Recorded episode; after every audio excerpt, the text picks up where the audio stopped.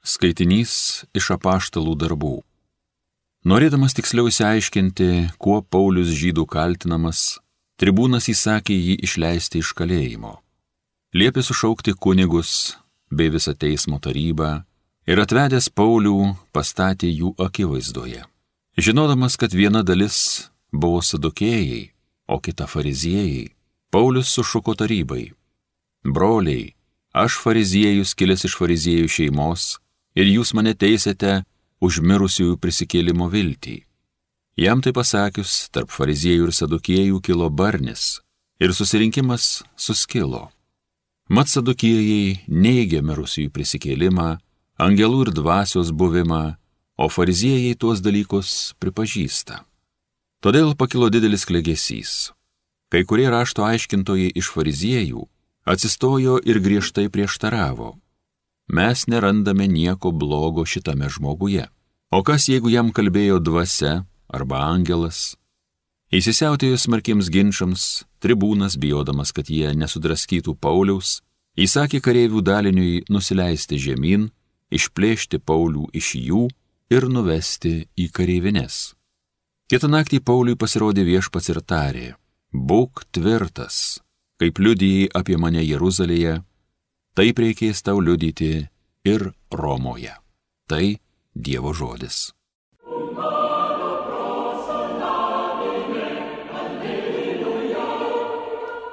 Globok mane Dieve, prie tavęs aš glaudžiuosi.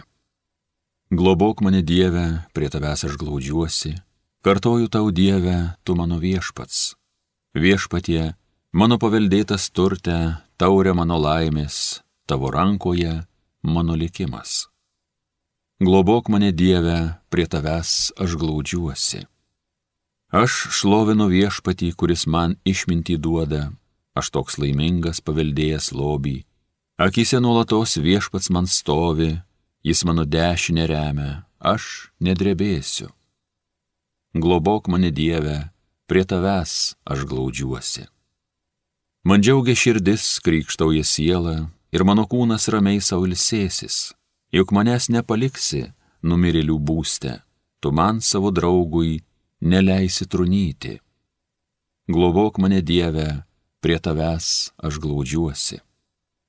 Man rodysi kelią, kuris į gyvenimą veda, pilna bus man laimė prieš tavo veidą, tavo dešiniai bus per amžius linksmybės.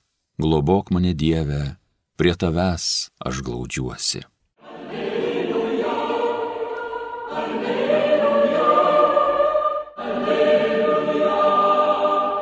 Tegul visi bus viena, kaip tu tėve manyje ir aš tavyje, kad pasaulis įtikėtų, jog tu esi mane siuntęs, sako viešpats. Alleluja, alleluja, alleluja. Viešpats su jumis. Pasiklausykite Šventojios Evangelijos pagal Joną. Pakėlęs akis į dangų Jėzus bylojo Šventasis tėve, ne tik už juos aš meldžiu, bet ir už tuos, kurie per jų žodį mane įtikės. Tegul visi bus viena. Kaip tu tėve manyje ir aš tavyje, tegul ir jie bus viena mumyse, kad pasaulis įtikėtų, jog tu esi mane siuntęs. Ir tą šlovę, kurią esi man suteikęs, aš perdaviau jiems, kad jie būtų viena, kaip mes esame viena. Aš juose ir tu manyje kad jie pasiektų tobulą vienybę ir pasaulis pažintų, jog esi mane siuntęs ir juos myli taip, kaip mane mylėjai. Tėve, aš noriu, kad tavo man pavestieji būtų su manimi ten, kur ir aš, kad jie matytų mano šlovę, kurią esi man suteikęs, nes pamilai mane prieš pasaulio įkūrimą. Teisingasis tėve, pasaulis tavęs nepažino, o aš tave pažinau ir šitie pažino, jog tu mane atsiuntėjai. Aš pagarsinau tavo vardą ir dar garsinsiu, kad meilė, kuria mane pamilai, būtų juose ir aš būčiau juose. Girdėjote viešpatie žodį.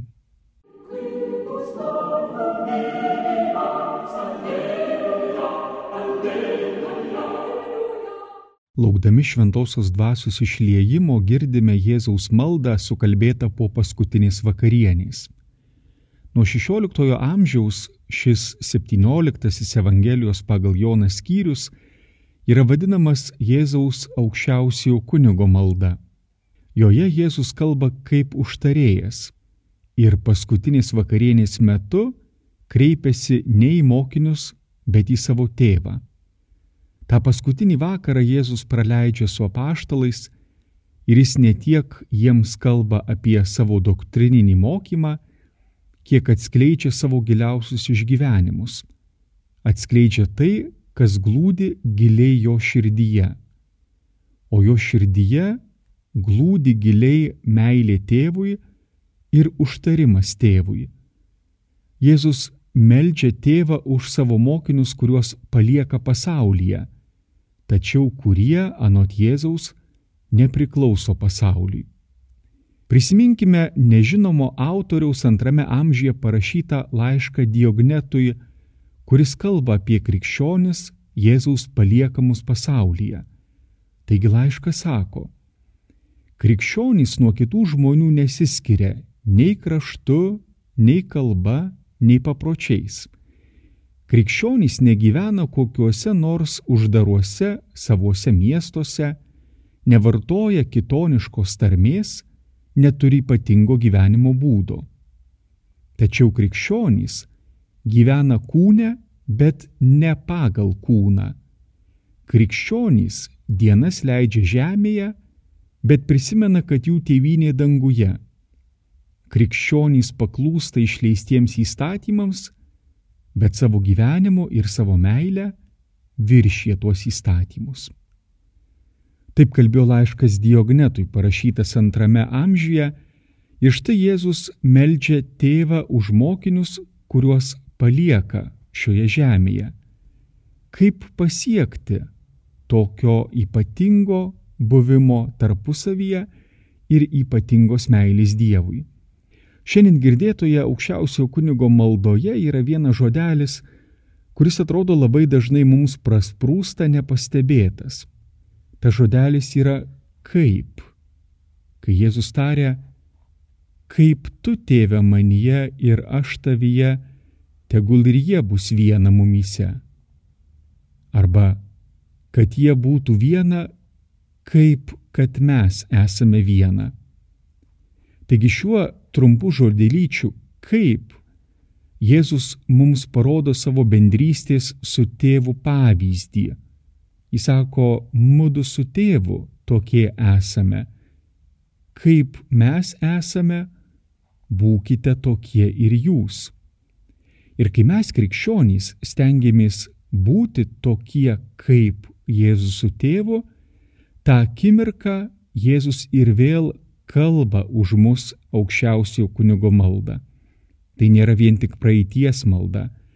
Jėzus visada užtaria mus pas tėvą stovi tarp mūsų ir nori mus įtraukti į savo maldą.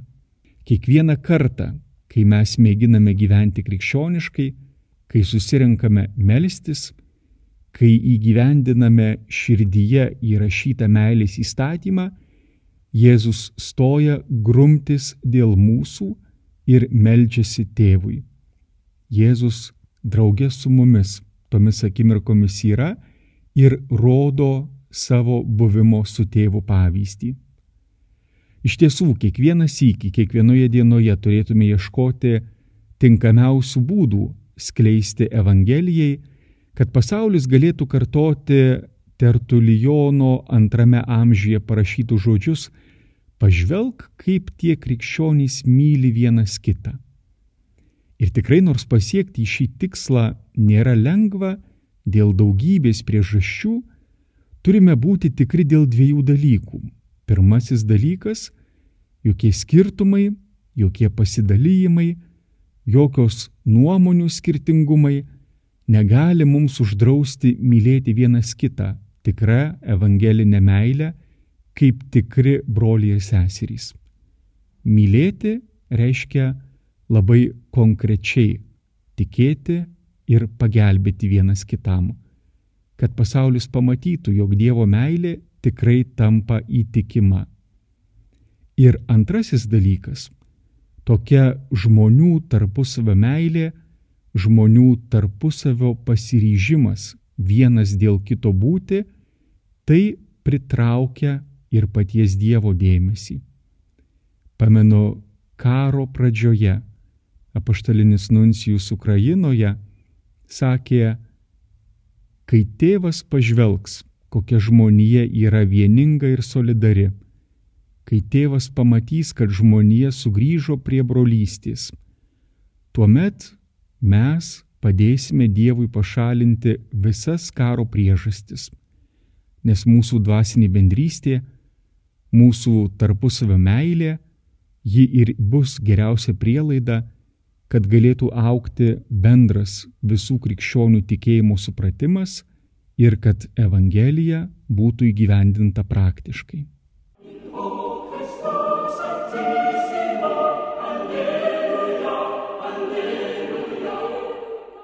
Homilyje sakė kunigas Mykolas Atnečenka.